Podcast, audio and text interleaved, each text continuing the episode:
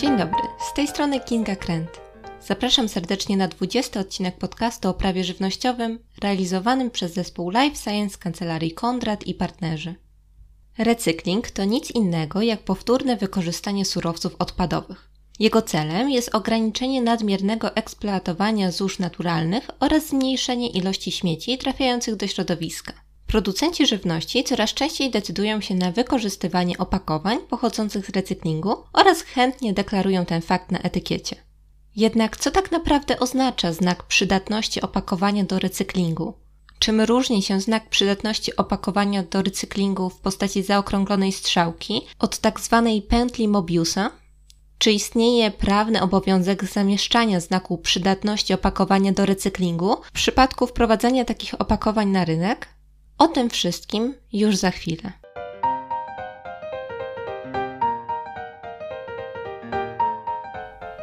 Artykuł 15 ustęp 1 ustawy z dnia 13 czerwca 2013 roku o gospodarce opakowaniami i odpadami opakowaniowymi daje możliwość umieszczania na opakowaniu żywności oznaczenia wskazującego na przydatność opakowania do recyklingu, jeżeli takowe opakowania faktycznie się do tego nadają.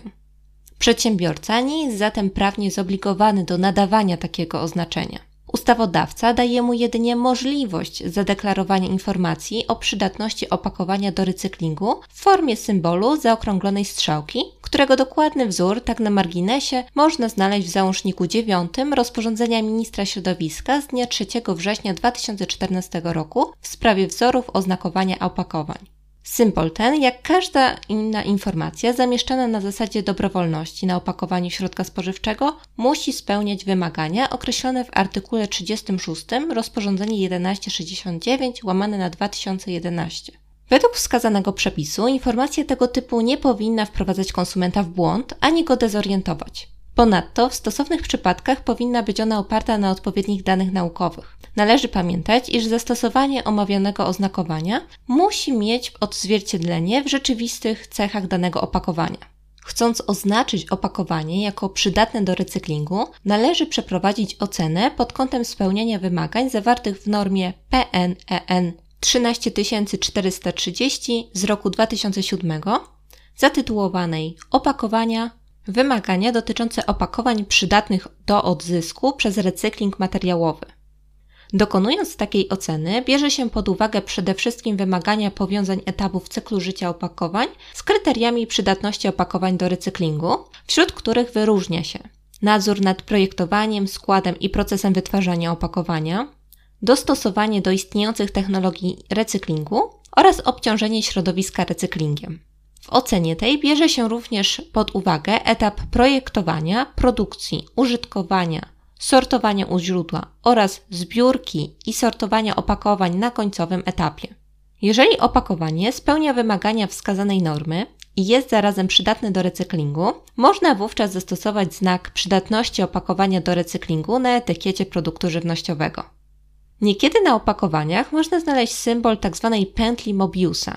Ten charakterystyczny znak przypomina trójkąt ułożony z trzech załamujących się w środkowej części strzałek, które najczęściej mają kolor zielony. Strzałki te oznaczają kolejno zbieranie, przetworzenie na nowy produkt oraz ponowny zakup przez konsumenta.